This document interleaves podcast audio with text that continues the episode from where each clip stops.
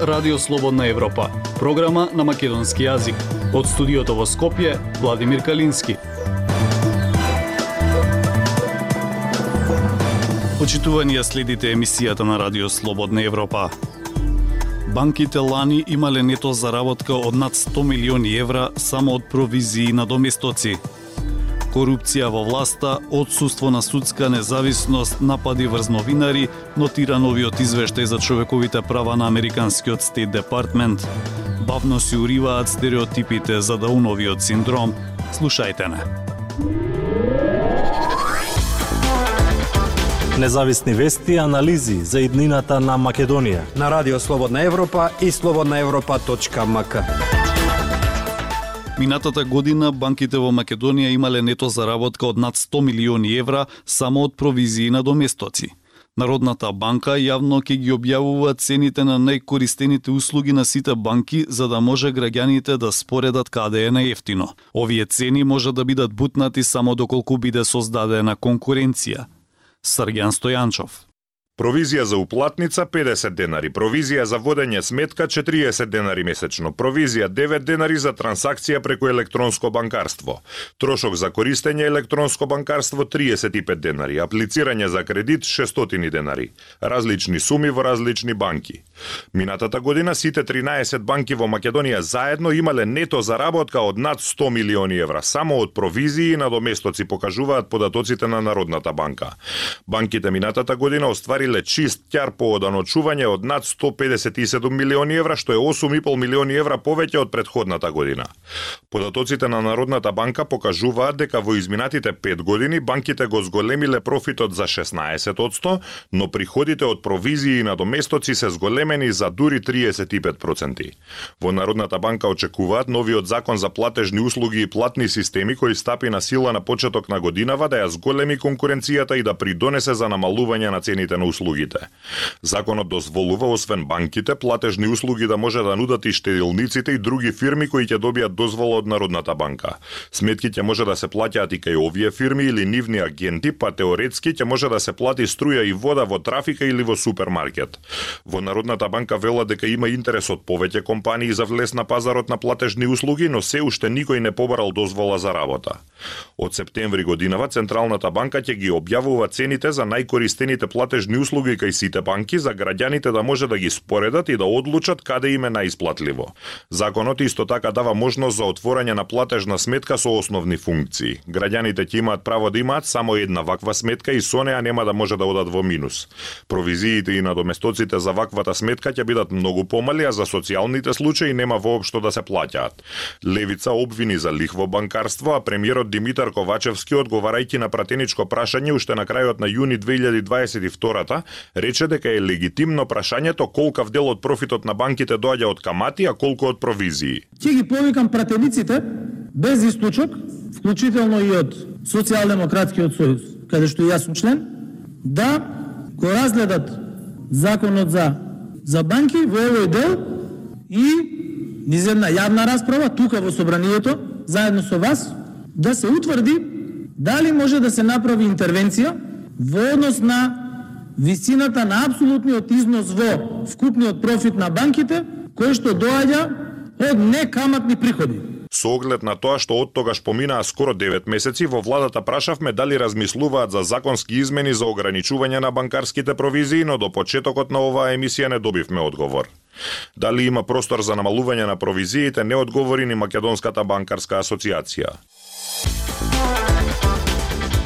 Слободна Европа. Следете на на Facebook, Twitter и YouTube. Најновиот извештај за човековите права на Американскиот Стейт Департмент нотира сериозна корупција во власта, одсуство на судска независност и напади врз новинари. Владата во извештајот чита напредок во многу области. За ВМРО ДПМН извештајот е доказ за нефункционалниот систем. Марија Тумановска Иако најновиот извештај на Стейт Департментот за состојбата со човековите права во Северна Македонија нотира сериозна владина корупција, недостиг на одговорност за родово и семејно насилство, нечовечко и понижувачко постапување во затворите, насилство и закани врз новинари и припадници на ЛГБТИ заедницата, премиерот Димитар Ковачевски вели дека во извештајот децидно се потенцирал напредокот во многу области и дека тоа треба да се свати како охрабрување на реформите. Довербата во судството е нешто на што исто така треба да работи целото општество, а пред се правосудните органи. И тоа ќе се врати со реализација на повеќе проекти, меѓу кои што јас би го истакнал процесот на ветинг, кој што треба да се однесува на сите именувани и избрани функционери и кој што треба да се направи во поддршка со Соединетите Американски држави и со Европската унија. Коментира Ковачевски во делот на забелешките за правосудството. Уставот предвидува автономни и независни судови, но владата не секогаш ја почитувала судската независност и непристрасност. Случаите на несоодветно однесување на судството, несоодветен политички и деловен притисок врз судиите, долготрајна правда како и несоодветно финансирање и екипирање на судството продолжија да ја попречуваат ефикасноста на судот и да влијаат на довербата на јавноста во владењето на правото се наведува во извештајот. Опозицијската ВМРО ДПМН е коментира дека извештајот покажува уназадување во сите области, а вината за лошата состојба ја лоцираат само кај СДСМ и ДУИ. Извештајот ја констатира владината корупција за која алармираме постојано. Власта ги партизира и политизира институциите, а тоа е целосно префрлено и врз правосудството. Во делот на односот со медиумите исто така се гледа автократскиот карактер на власта. Низ извештајот провејува констатацијата на нефункционален систем, каде што ниту една институција не функционира како што треба, ни одговорија од ВМРО ДПМНЕ. Во извештајот меѓу другото се наведува дека владата останува најголемиот работодавач во земјата, а доминантната улога на владата во економијата создава можности за корупција. Во делот на слободата на изразување во извештајот се наведува дека според Сдруженијето на новинари, владата покажала недостаток на капацитет ефективно да ги санкционира прекршувањата на правата на новинарите и да ја заштити нивната безбедност. Премиерот так подсетува посветува на измените на кривичниот законник, усвоени во февруари, според кој нападот врз новинар се третира како напад врз службено лице.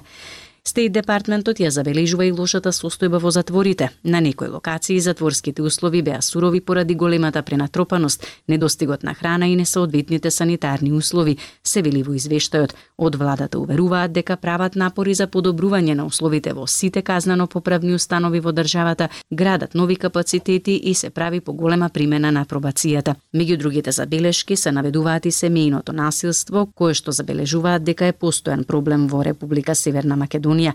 Во однос на етничката и расната дискриминација, ромите се најпогодени, а се потенцира и проблемот со насилство против ЛГБТ и заедницата.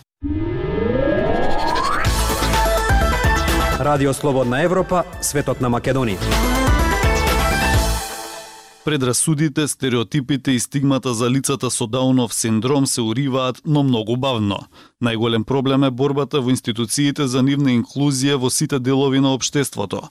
Државата се уште не обезбедува образовни асистенти, а овие луѓе тешко можат да најдат работа. Прилог на Ивана Стојкова.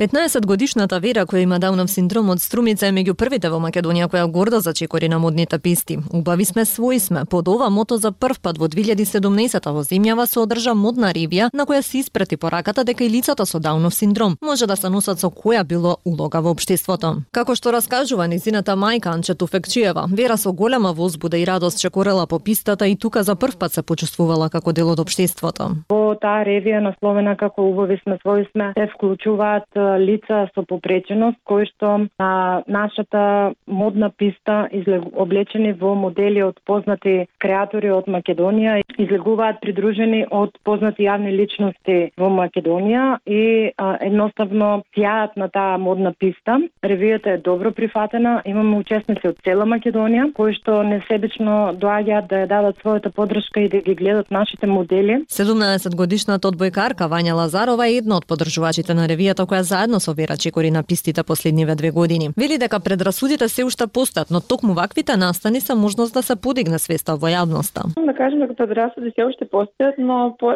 полека полека почнуваат да се разрушуваат, затоа што се повеќе кампањи и се повеќе настани, секој аспект на човекот се менува од, од кој што го гледа. Можем да кажем дека секој што е запознал Верче, па и како и сите други учесници, им се сотлило душата и едноставно виделе пријателство и љубов во нив. Во последните 15 години од како го формирала Сдруженијето за помош и поддршка на лицата со Даунов синдром, мајката на Вера Анча вели дека полека дел од стереотипите и предрасудите ги снемува, свеста се зголемува, но на што станува е борбата со институциите за поголема инклузија во општеството. Недоволно образовни асистенти, бавна проценка, неподготвени училишта. Ова се само дел од пречките со кои се соочуваат лицата со Даунов синдром. Сакам да испратам една јасна и гласна порака дека а, институциите треба да бидат спремни за да ги прифатат овие лица. Вера следната година ќе треба да се запише во средно училиште, но државата и натаму не обезбедува образовни асистенти. Образовната инклузија започната пред повеќе од две децении, но на општеството му треба се уште време за промена. Со овој проблем се соочила и Сузана, чиј што сине веќе во средно училиште, но и натаму без асистент. Сузана веќе се сомнева дека овој проблем наскоро ќе биде решен. А државата вели во иднина треба да обезбеди подобри услови за децата кои завршуваат средно образование, но и шанси за нивно вработување. Сега потребата станува многу поголема за децата кои завршуваат средно образование и нели не се во можност сите да работат или сите веднаш да најдат работа. Е сега се потребни социјален клуб или центар за кариерно напредување, за вработување би биле од големо значење. Денеска е светскиот ден на лицата со Даунов синдром. 21 ден од третиот месец како символ за трите копии на 21-иот хромозом што ги носат лицата со Даунов синдром. Мотото годинава гласи «Со нас, не за нас». Актуелности свет на Радио Слободна Европа. Бугарската индустрија за оружје, која беше клучен снабдувач со оружје за Украина, се најде под удар на низа мистериозни експлозии и труења. Но среде се поголемите докази за руска вмешаност, критичарите обвинуваат Бугарија дека ја одолговлекува истрагата за нерешените експлозии. Набргу позади сонцето на 21 март 2015 година, небото над најголемата и последна преостаната државна фабрика за вооружување во Бугарија беше исполнето со пукотници и експлозии, што вообичаено можат да се слуштат на буиштата. Масивниот пожар во фабриката ВМЗ уништи големо количество оружје и муниција и ги преплаши жителите на Сопот во централна Бугарија, како и соседните градови кои се допираат со Балканските планини кои се протегаат од западната граница на Бугарија со Србија до брегот на Црното море. Емил Кабеиванов, градоначалникот на блиското Карлово, опиша дека гледале огнени столбови високи до 200 метри. Можете да видите како работите експлодираат во воздух. Непол месец подоцна, на 14 април, имаше повеќе експлозии и поголема штета врз ВМЗ. Две недели после тоа, големиот бугарски трговец со оружје Емилијан Гебрев падна во кома како жртва на труење за кое се тврди дека некои државни истражители се уште го припишуваат на расипаната салата и на другите смешни тврдења.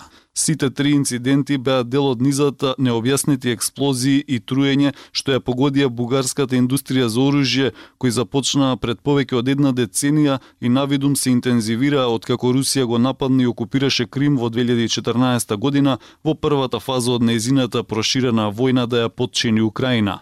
Дали се работи за руска инволвираност или некој друг, не можам да кажам, изјави поранешниот градоначалник на Сопот Веселин Личев – но во вашиот ум тоа е апсолутно можно.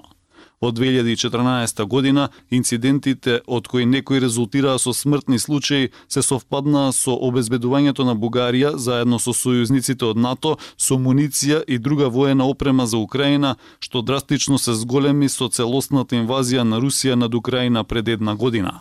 Последователните извештаи сугерираат дека ВМЗ складирал муниција што требало да биде испратена во Украина преку посредници како Полска и Чешка. Бугарското досие за застој на истрагите ги поттикна сомнежите дека властите не сакаат целосно да ја испитаат сомнителната руска вмешаност. Во некои случаи се појавија остри докази за руска саботажа, а надворешните обелоденувања ги принудија бугарските официјални лица, што ги натера критичарите да предложат опасен модел на прикривање што може да ги компромитира домашните и западните безбедностни напори, токму кога на Европа и се најпотребни.